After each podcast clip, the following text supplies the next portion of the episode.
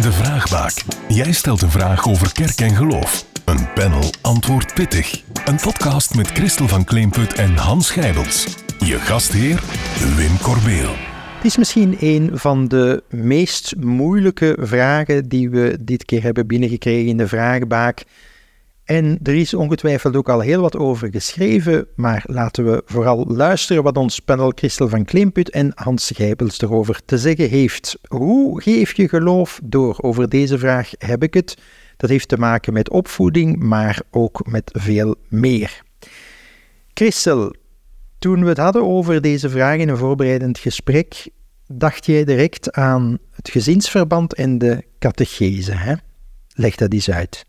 Ik word wel eens gevraagd om voor ouders van um, kinderen die zich voorbereiden op hun eerste communie of op hun vormsel, om voor die ouders iets te gaan vertellen over geloof en geloofsopvoeding. En vaak krijg ik daar toch wel zo de, de opmerking van, ja, maar hoe moeten we dat nu doen?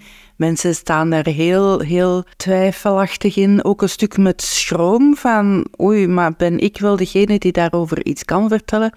En eigenlijk, ja, dat is uh, mensen een beetje sterk laten worden in dat geloof uitstralen.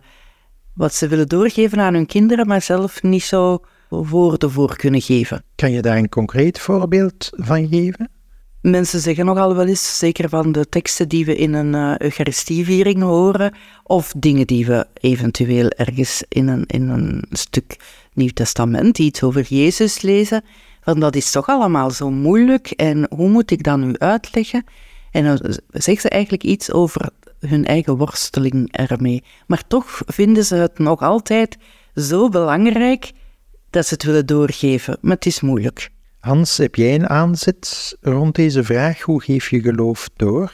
Ja, ik heb die als vader van drie kinderen natuurlijk. Hè.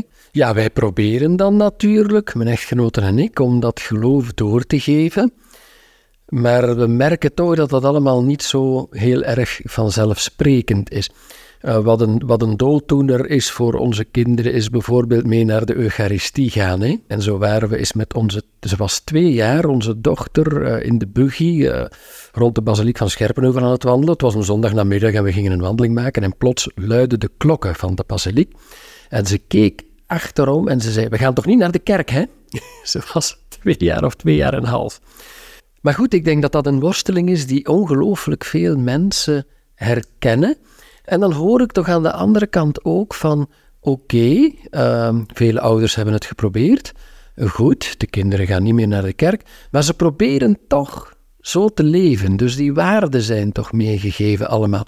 Dus er worden altijd dingen doorgegeven hoor, zonder dat dat daarom het geloof op zich is. Maar, maar ja, vanzelfsprekend is het echt, echt niet maak dat doorgeven dan eens concreet. Je zegt er worden dingen doorgegeven. Wat is dat dan bijvoorbeeld? Ik heb daar wel een mooi voorbeeldje, denk ik, in de zin van, van als ze klein waren, heb ik aan mijn kinderen bij het slapen gaan, ben geen uitzondering denk ik, maar toch, hè, een kruisje gegeven.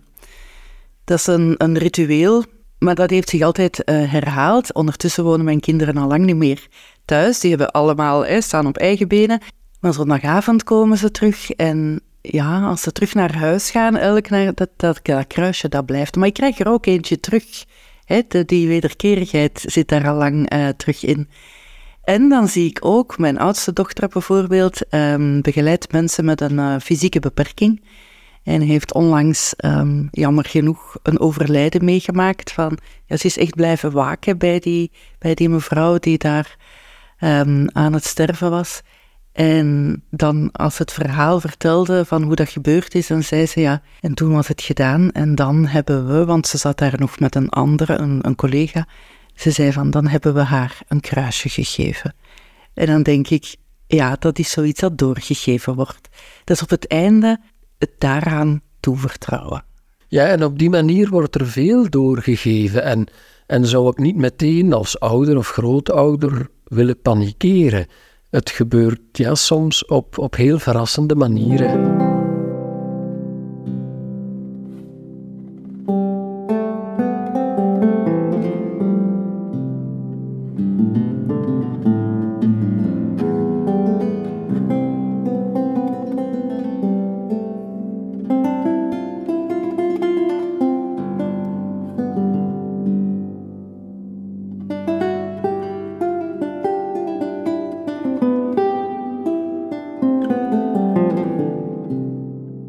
Is wellicht niet gepast op een katholieke podcast, maar ik ga toch even de advocaat van de duivel spelen nu.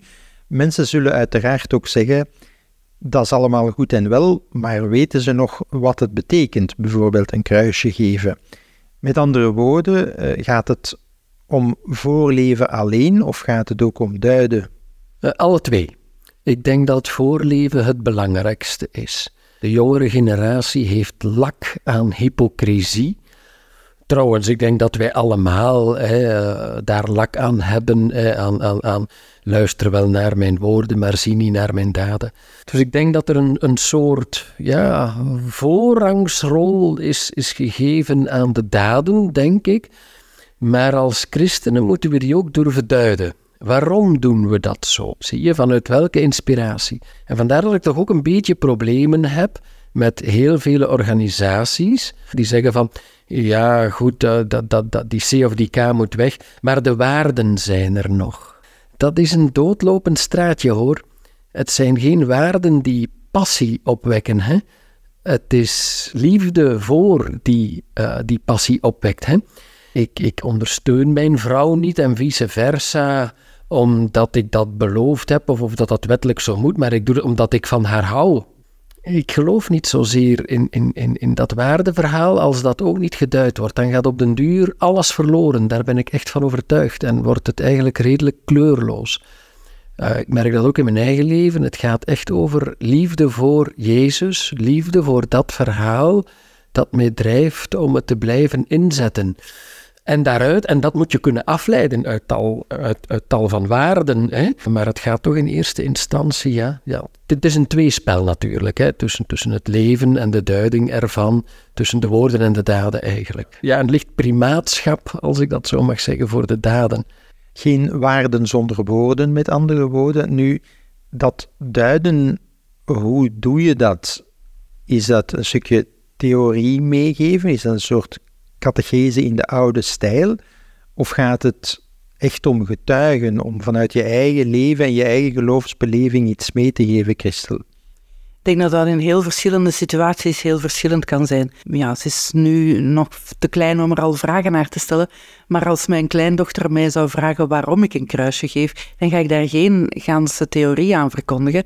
Maar ik denk gewoon dat ik kan zeggen van, Jezus ziet ons graag. En voilà, dat, daardoor kunnen we dat voelen. Dat is een hele korte catechese, een hele korte duiding. Dus heel soms eh, is het in heel gewone kleine dingen al gezegd. En soms zullen er wat meer woorden nodig zijn om dingen uit te leggen. Ja, ik denk, kijk, catechese is niet meer zoals vroeger. Hè. Catechese vroeger was, kijk, uh, dat was een handboek en dat was een catechismus en we gooien de volledige inhoud op de hele groep uh, op hetzelfde ogenblik. Ik denk dat catechese vergt heel veel tegenwoordig. Van de catechist in eerste instantie, of van de ouder als catechist, die moet aanvoelen van wat kan ik hier op dit ogenblik meegeven? Welk bijbelverhaal zou ik hier plots op kunnen betrekken en eens vertellen? Dat soort dingen meer. Ik denk dat er van catechisten tegenwoordig, en ik zeg het ook ouders als catechist, hè, dat er heel veel verwacht wordt eigenlijk.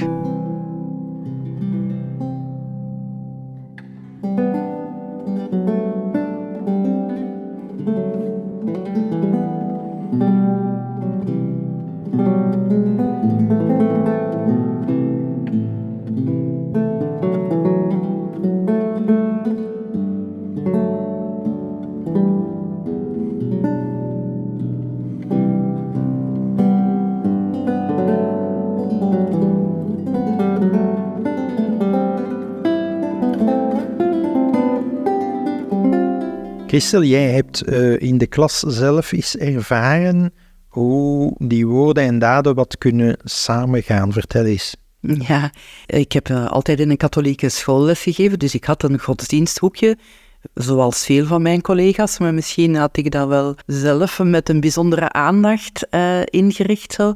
En we begonnen elke dag met een gebed met een klein boekje dat daar lag met gebeden voor kinderen, waar ze zichzelf mochten gaan kiezen enzovoort. Nu was er eens uh, op een bepaald moment een ruzie tussen de meisjes van de klas. En dat was zo'n ruzie die maar bleef aanslepen en bleef aanslepen.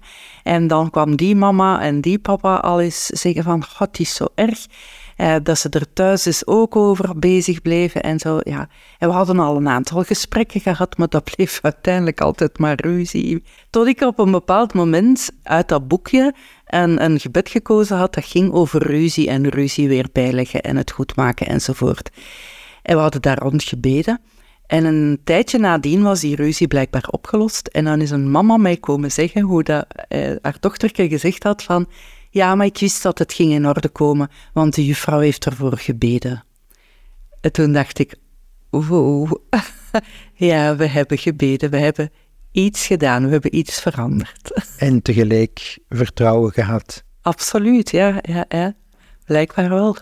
Tot slot, een, een laatste vraag zal ik zeggen. Um, heel wat mensen in onze maatschappij komen vanzelf niet meer in contact met het christendom en zien dus ook niet altijd waar mensen hun geloof voorleven. Kunnen wij hen soms aanzetten geven om die plekken te vinden of die mensen te vinden waar ze geloof vinden?